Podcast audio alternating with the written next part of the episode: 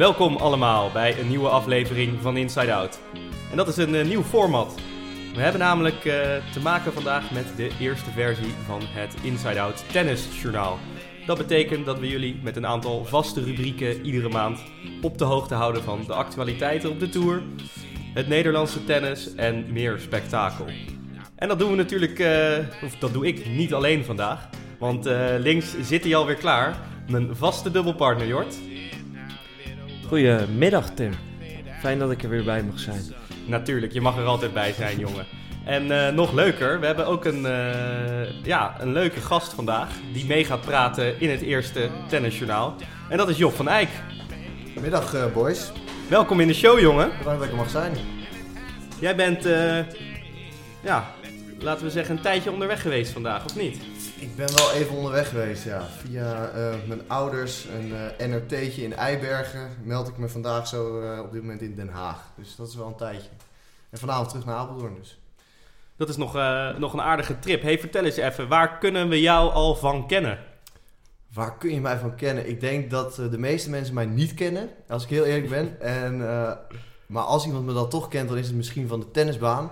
En anders van mijn eh, ja, oranje outfit die ik altijd draag tijdens de Davis Cup. Want jij bent in principe de vlogger van de KNLTB, toch? Ja, als dat een positie is eh, binnen de KNTB, dan ben ik de vlogger van de KNTB. Hartstikke goed. hey jongens, ehm, de maand is voorbij. En het belangrijkste van de afgelopen maand natuurlijk de Australian Open. Sofia Kenin, eh, Jort. Ja, die zit in ons eh, team, ons fantasy tennis team. Dus dat eh, hebben we weer goed eh, gezien eh, volgens mij Tim. Dus de puntjes die zijn weer binnen. De puntjes zijn weer binnen. Ik zag wel dat anderen, ook Muguruza wel een team hadden. Dus we staan nog niet bovenaan. Maar ja, het is in ieder geval goed om haar in het team te hebben. Nee, Sofia Kenin. Ja, ik denk dat- niemand dat had voorspeld. Dat ze het toernooi zou gaan winnen.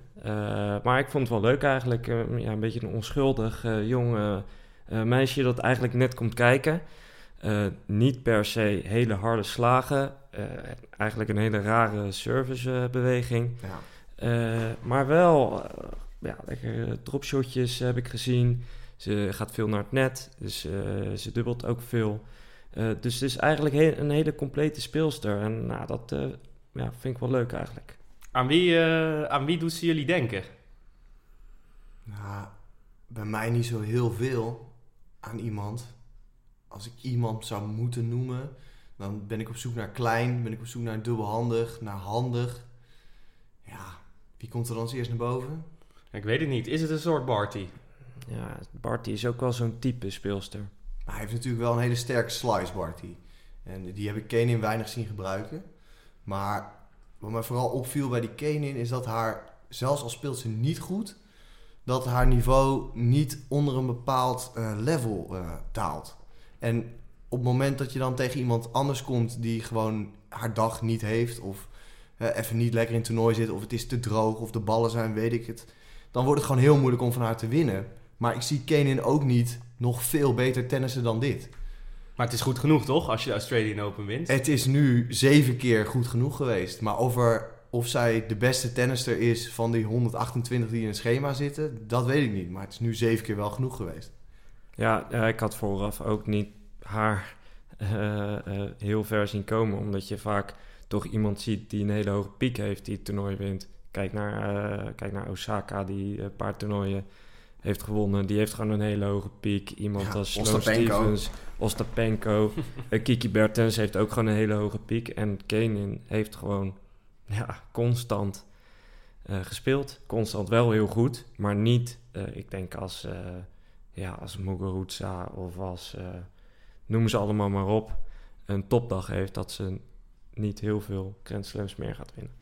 Jongens, Muguruza is natuurlijk ook al een paar keer nu ter sprake gekomen. Dat is wel een beetje verrassend.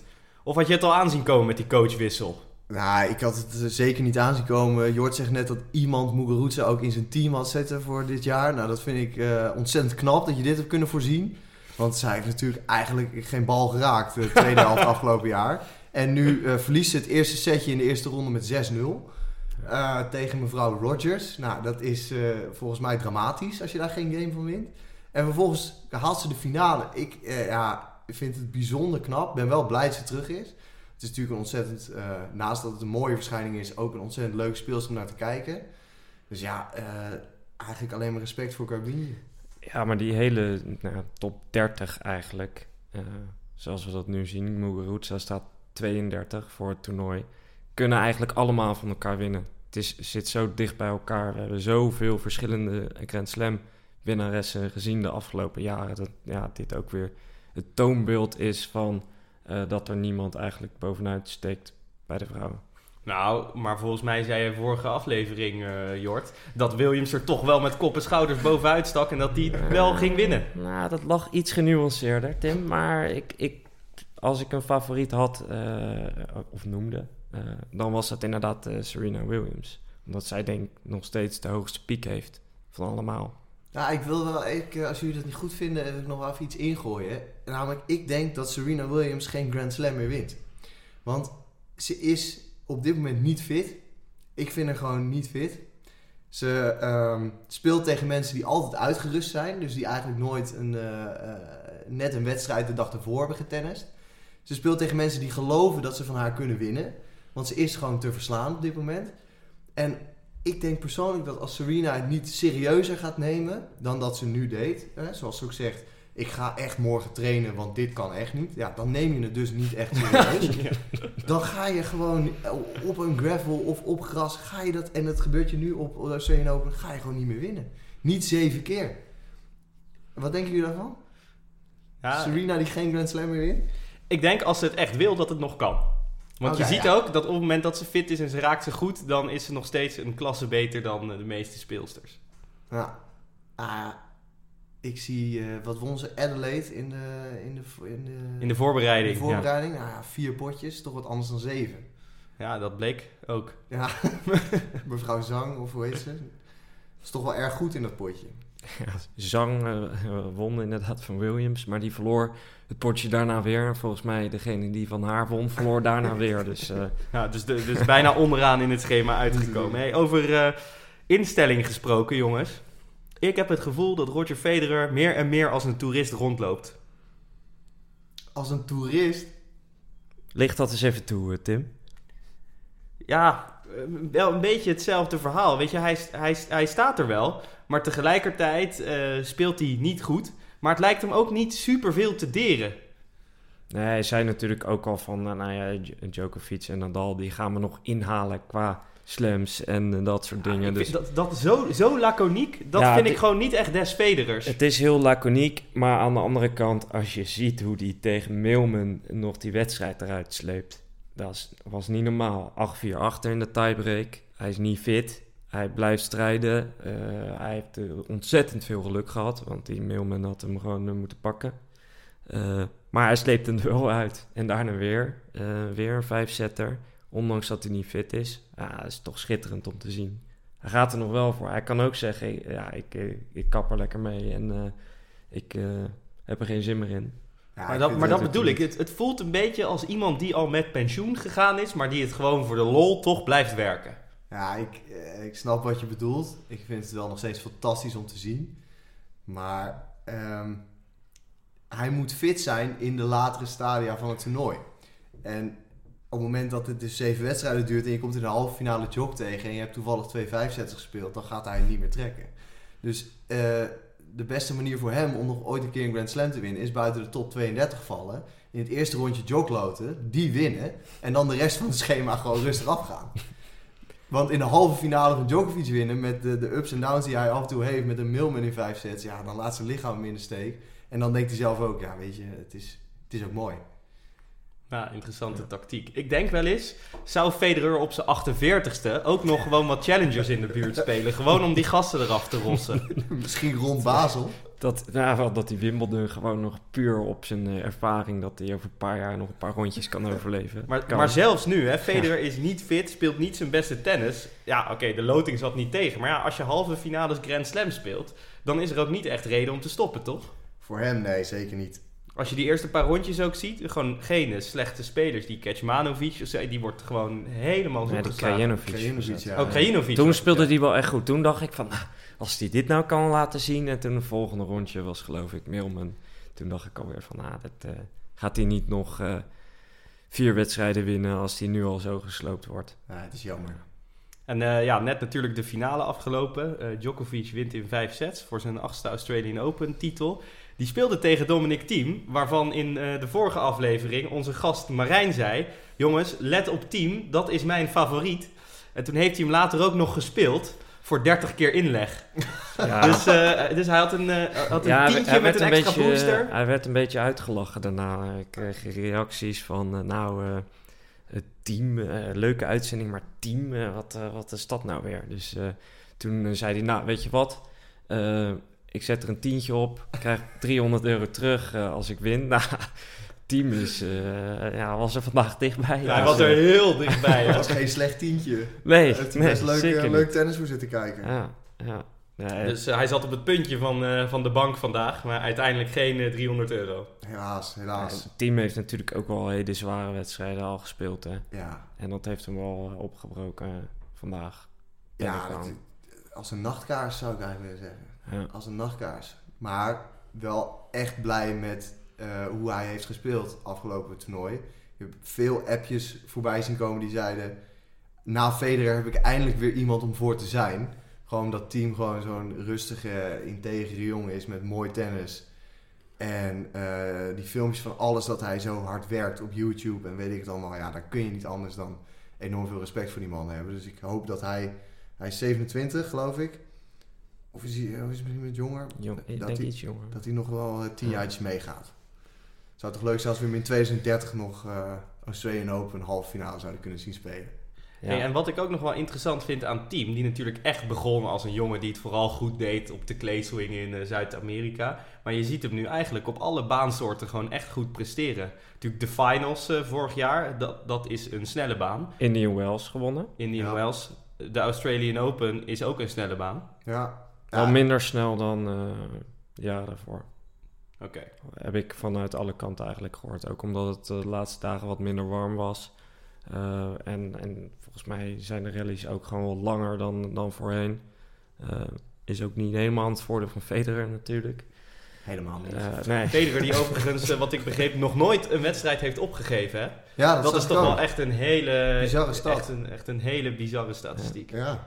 ja, dat spreekt alleen maar voor hem. Dus ook als je je niet goed voelt of als je onderweg denkt... eh, God, dit kan wel eens fout lopen. Toch gewoon doorspelen. Ja, nou, nog, had al respect voor hem, maar nog meer respect. En Jort, dan kwam jij met de tekst... De grote doorbraak van Alexander Zverev. Licht dat eens even toe. Nou, kijk, normaal is Zverev speelt hij in een Grand Slam. Eerste rondje vijf sets met hangen en wurgen. Tweede rondje weer vier, vijf sets. En dan daarna eh, vliegt hij er wel een keer uit. En hij heeft geloof vorig jaar voor het eerst eh, kwart gehaald. En eh, dat was ook kansloos. En nu zag je gewoon, zeker in ver- vergelijking met de ATP Cup... toen iedereen alweer zei van... Zverev moet kappen met zijn vader als coach... Zverev slaat alleen maar dubbele fouten. Het wordt helemaal niks met Zverev. En nu stond hij er wel gewoon. Eh, verloor uiteindelijk dan van, van team in de halve. Eh, maar het is wel voor het eerst dat hij de halve haalt. Voor het eerst dat hij ook wel echt eh, goed heeft gespeeld op een slam. Dus ja, Maar ik, hoe komt dat, denk je? ik denk dat, die, eh, dat de verwachtingen altijd eh, veel te hoog waren. Ja, En dat hij nu toch een beetje in de luwte... Volledig beetje- in de luwte. ja. niemand verwachtte iets. Nee. Maar ik vind het te ver gaan om dit een grote doorbraak te noemen. Hij haalt halve finale. Dat is nice. Maar Tennis Sandgren was ook een puntje verwijderd van de halve finale. ja, Ja, dat is Ja. waar. Maar de manier waarop is natuurlijk wel, eh, wel bewonderenswaardig. Zeker met op een gegeven moment dat hij... Ik geloof dat hij het was 30 uit 30 eerste services insloeg. Eh, en dat heb je vaak niet door, maar dat gebeurt gewoon. Ja. Eh, totdat je het in je scherm ziet en denkt, jongen, dit is wel echt knap. Terwijl tijdens de ATP Cup, wat je net zegt, Jord... Als je dan met hem stond te dubbelen en je zegt, joh, eerste lichaam, tweede buiten... dan ligt de ene achter de baseline en de andere op je achterhoofd. en nu staat hij gewoon 30 uit 30 en dat is Ja. echt knap hoor, met zo'n service. Dus eh, ik vind, ja, hij is erin gegroeid. En misschien dat hij deze ervaring kan meenemen naar de volgende slams. En dat we hem nog wat vaker bij de laatste vier gaan zien. Je gunt het hem wel. Aan de andere kant, hij is ook nog 22. Eh, die- die- hij heeft nog zo lang te gaan. Er is nog tijd. Ja. Andere dingen die jullie opvielen tijdens de Australian Open, jongens? Nou, de afwezigheid van eh, Kim Kleisters. Want die heeft vorig jaar, eh, nou ja, toch wel enigszins hoog van de toren geblazen. Ah, je dat hebt ze- gelijk. Dat ze hier weer eh, zou zijn. En dus ik had daar wel naar uitgekeken. Want eh, Kimmeke is gewoon eh, ja, een favoriet bij ons thuis. Gewoon ontzettend leuk. En die was er ineens niet meer vanwege eh, tekort aan training, denk ik, of een blessure. Dus dat vond ik jammer. Dat vond ik echt jammer. Heeft ze officiële verklaring of iets gegeven daarvan? Nee, nee volgens, mij, ja, volgens mij een blessure. Iets in die geest. Hier wil ik wel overigens aan toevoegen dat als Kim terugkomt en weer top 10 wordt, dat dat onze geliefde sport niet veel goeds doet. Dat als zij na zeven jaar weer eh, begint en een half jaar van tevoren kan zeggen, nou, ik eh, doe het weer. En als zij nu weer top 10 wordt, dat gaat onze sport geen goed doen, jongens. Ik denk ook niet dat het gaat gebeuren. Ik ook niet. Denken jullie dat ze überhaupt op de baan gaat verschijnen? Ja, dat denk ik wel. Een paar wildcards. Wildcard. Sowieso. Wat vinden jullie Die, van die de... wildcards van Sharapova Ik gaan wil nu net direct zeggen, ja. naar, eh, naar Kim Want de carrière van Sharapova, die gaat redelijk als een nachtkaars uit op deze manier. Ja, ja. Sinds ze is gekapt met eh, Sven Groeneveld is het eh, bergafwaarts gegaan. Dat zal Sven ook beamen. Dat weet ik wel zeker. Goed jongens, Nederlands tennis. Beginnen we natuurlijk met eh, de, de NRT-kwalificatie van Job van Eyck. Ja, dankjewel. Eh ik ben, Voor mij echt een hoogtepunt. Vertel. Wat, eh, hartelijk dank. Ja, eh, ik was alweer vergeten wat voor een, excuseer mijn woorden, wat voor een hel de kwalificatie eigenlijk is. Ik moest me gisteren om 12 uur melden. En ik, ja, dan is het weer een dag wachten. binnenbaantje. Binnenbaantje, snelle hal. Gewoon een gure hal ergens in het oosten van het land, toch? Ex- nou, ik, je neemt me de woorden uit de mond. En ja, dan sta je daar en dan moet ik om half vier. Dan ben je eigenlijk alweer koud en eh, niet zoveel zin. Ga je toch maar even inlopen. Nou, wel gespeeld. Vandaag, vanochtend, win je een rondje. 9 uur 's ochtends. Ja, dat betekent gewoon tien voor acht weg. En eh, dan sta je daar en eh, ja, 6 1, 6 2. En dan mag je weer in het hoofdtoernooi meedoen. Toch En? wel lekker. Twee potjes in de benen in februari. Dat is ook lekker. Ja, Ja, dat toch? is gewoon goed voor de vorm. Dat is toch heerlijk? Ja. Dus je hebt je gekwalificeerd. ja, Hoofdtoernooi. Ja, geplaatste jongen, leuke vent. eh, maar die had nog nul keer op die baan daar gestaan. En ik net twee rondjes. En 's ochtends een wedstrijd gespeeld. Ja, twee sets. Lekker man. 3 4. Ja, ik ben er erg blij mee. Dus ik mag terugkomen. Volgend weekend verder. Volgend weekend verder. En overigens hulde voor, deze, eh, voor dit format. Dat dit een NRT in twee weekenden wordt gespeeld. Want daardoor kunnen jongens als ik zeggen... Nou, is goed, twee weekenden, die kan ik wel vrijmaken. Maar een woensdagmiddag om 12 uur, ja, dat zit er natuurlijk niet in. Dus eh, daar ben ik erg blij mee. Ja, dat kan ik me voorstellen. Nou jongens, even zonder dolle nu het echte Nederlandse tennis. Terecht. Aranska Rus. eh, vorig jaar natuurlijk 10 ITF-titels gewonnen. Eh, ik las dat nog nooit iemand überhaupt 10 ITF-titels in een jaar heeft gewonnen. Dus Aranska Rus heeft, heeft deze Lekker. te pakken. En ja, ze, ze doet het nu goed. Eh, tweede rondje Australian Open. Daarmee heeft ze ongeveer evenveel verdiend als vorig jaar het hele jaar draaiende. Had ik niet scherp. Goed voor, de pot, goed voor de portemonnee in ieder geval. Erg lekker. En ze heeft deze week ook alweer gespeeld. Dus eh een finale gehaald. Finale André Jeu, net als in eh, 2018. Wat wat goed. In 2018 hadden ze finale. Toen verloor ze van een vrij anonieme Spaanse. Die wel bekend staat als de vrouw met de hardste service. Die heeft een keer 220 geserveerd. Hou ik ook niet hoor. Die wil je niet tegenkomen, Oh, die steegje. nee, Lekker. Maar ze gaat de top 80 in, hè? Dus de, of, of net niet. Ja, net wel volgens Net, mij. wel, Ja, net wel of net niet. eh, in ieder En geval. volgens mij de eerste puntjes die zij te verdedigen heeft, die liggen pas ergens in mei of zo. Dus die Ja. blijft wel even even op dit niveau. Ik hoop dat ze het kan doorzetten en dat ze gewoon, eh, ja, in ieder geval in die top 100 eh, blijft, waar ze ook thuis hoort. Als je het aan mij vraagt. ja vind je dat? Ja, ik vind haar een ontzettend atletische tennister. Die heel slim speelt. Met af en toe wat dropshots. En dat linkerhandje van haar natuurlijk is ontzettend groot wapen. Dus ja, van mijn part, en dat is niet alleen omdat ik Nederlander ben, eh, hoort zij gewoon in die top 100. Nou, vorig jaar heeft ze dat ook wel verdiend. Dat denk ik ook. Ja. Zoveel toernooien gewonnen. Nu ook gewoon een rondje gewonnen op de Australian Open van een eh, top 50 speelster. Dus ja, En eh, Robin had ook bijna een prijs te pakken. Die heeft natuurlijk gekozen om niet de Australian Open te spelen, maar te kiezen voor punten, hè, want dat is het. Ja, Want eh, de, de winnaar van zo'n challenger eh, verdient volgens mij eh 6000 eh, dollar of zoiets. Je doet dat echt puur voor de punten. En hij is twee keer naar Bangkok gegaan. Nou ja, wat ik begreep is dat hij in ieder geval nog even snel... nou ja, op Schiphol kun je ze niet kopen, maar in de sportwinkel nog wel in Nederland even wat ballen had gekocht. Zodat hij in ieder geval met nieuwe ballen kon trainen daar. Eerste toernooi ging natuurlijk niet goed. Nee. Verloor hij direct van Andrea Arnaboldi. En eh, dat- ja, toen in ieder geval heeft hij de tweede week heeft hij een betere week gehad. Dus ik heb eh, nog even contacten met hem gehad ook. Hoe hij dat nou heeft ervaren, zo'n, eh, ja, die challengers in het begin van dit jaar. na die tien jaar op de Tour. Precies. En hij zei van, eh, ik heb nog nooit in zulke zware omstandigheden eh, Ja, gespeeld. Want het was ook een opgave in de finale, zag ik uiteindelijk, toch? Ja Dat klopt. hij, hij gaf op. We Bij hebben- 4-2 in de... in weten we waarom? Ja. Jij hebt dit zitten kijken, ik toch, zei je? het, eh, ik heb het, het, nou, ik heb niet de hele, hele wedstrijd gezien, maar ik heb wel het laatste punt gezien. En dat was op, eh, eh, op zijn eigen service. Nadeel verloor hij. En toen eh, gaf hij de hand. Maar ik weet niet wat het nou precies was. Eh, ja, waarschijnlijk gewoon helemaal kapot. Ja, En twee dan- weken Bangkok is natuurlijk ook Ja. wel... eh Met dat eh, wel aan je. Met dat klimaat daar. Ik weet niet wat je bedoelt. Ehm, Om verder niet op in te gaan. Maar wat ik, wat ik leuk vind is, Robin is heel eh, responsief ook. Hè? Als, je, als je een berichtje stuurt, eh, hij neemt gelijk weer even de tijd om het uit te leggen. Dus hij zei gewoon zware omstandigheden. Toen zei ik, eh, wat bedoel je daarmee? Slechte ballen of... eh, maar het is gewoon eh, hitte. Gewoon... eh, Zware omstand, slechte ballen, slecht hotel, ja, hitte. ja, Ja. Dat dat het enige antwoord is. Ja, alles. Maar toch eh, finale gehaald. Hij speelde tegen Federico Gaio, die wij vorig jaar eh, in Marbella nog eh, zagen. Dus daar kon ik gelijk wat tips eh, gelukkig nog doorspelen aan hem. Alsof hij dat zelf niet wist. Maar goed. Dus in ieder geval eh, mooi. Lekker.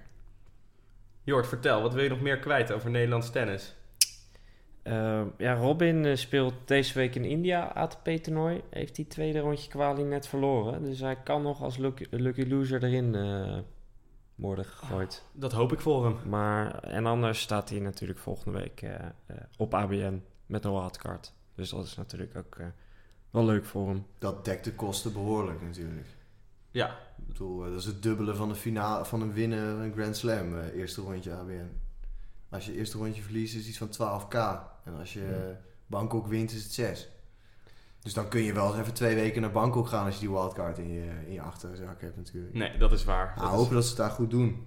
En net als Talent trouwens, want die heeft natuurlijk daar weer eh, punten te verdedigen als ik het niet eh Ja, de- hij won van Van Vrinka? Nee, Nee, Kachanov. Kachanov. Oh, van Katjanov, ja, ja. Ja, hopen dat hij, een, eh, dat hij een wildcard krijgt. Volgens mij is dat nog helemaal niet duidelijk op dit moment. Nee, eh, eh, Richard heeft één achter de hand. Mocht het zo zijn dat Ja. een topper zich aanmeldt. Zou kunnen zijn dat eh, Nadal zegt, want die staat nu vij- binnen 500 punten van, van Joko. Dat Nadal zegt van, nou, ik wil wel proberen nummer 1 te worden. Ja? Dat zou kunnen, maar ik denk dat hij dat niet gaat. Nee, want Roger en Nadal spelen in Zuid-Afrika een, een Ah, wedstrijd voor charity, geloof ik, op 9 februari. Dus dan wordt het een heel uitdagend schema voor een van die twee. Dat gaat hij niet doen. Nou, dan... eh, Dus talent zie je in het hoofdschema, eh, kerel. Zo is dat. En Kiki, jongens, eh, toch, toch goed gespeeld. op De Australian Open. Zeker. Ja, redelijk eh, een goede loting uiteindelijk. Nou ja, ze verloor eh, van, eh van Muguruza. Ja, dat is uiteindelijk bleek het geen schande. Eh, de eerste rondjes kwam ze goed door. En eh, ja, ik denk prima. Stijgt twee plaatsjes op de ranglijst. Is niet haar favoriete toernooi, eh de Australian Open. Dus eh, ja, prima. Kans op voorbeduren, denk ik. Nou, daar ben ik het helemaal mee eens. Ik, ik denk Fijn. dat eh, Elise Tamaela eh, hier eh, blij mee is. Ja, dat denk ik ook. Ja, je moet het toch maar zien, weet je. Als Kiki daar eerste rondje verliest, nou, dan krijg je natuurlijk Staat meteen... er eh, druk op. Ja. dan komt er gewoon Of je, druk op te nou, staan. of je dat nou meteen onderling voelt of niet, toch komt die druk er dan op te staan. Dat denk ik ook. Ja. Oké jongens, nieuw eh, rubriekje. Het crypto-kanon. Ik zal hem eh, kort introduceren. En eh, dit is er eentje waar ik ook graag de luisteraars eh, uitdaag om mee te spelen met het maandelijkse crypto-kanon. Werkt eigenlijk heel simpel.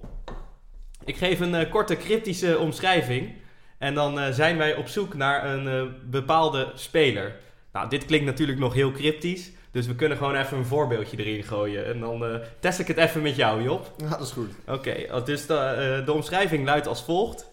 Deze Griek eet ook wel eens een bordje Italiaans. Dan heb, heb je het dan over Tsitsipas? Ja, maar Titi pasta. Oh. Oké. Ja, dus Oké. het goede antwoord, dat zou hier zijn, eh Titi pasta. Ehm, dus nu ga ik de nieuwe eh, omschrijving ga ik erin gooien. Niet meteen het antwoord zeggen, Job, want Oh, ik weet dat je scherp bent. Jort, jij houdt ook je mond. Zeker. Want deze is voor de luisteraars. En de luisteraars, eh, ja, die wil ik dan vragen om vooral eventjes met een voice recordje op onze WhatsApp. En dat heb je natuurlijk in je telefoon staan. 06 587 11143. Stuur er even een voice recordje naartoe met het goede antwoord. En eh, wie weet scoor je dan een vermelding in het volgende journaal. Daar komt hij, het crypto-kanon van deze aflevering.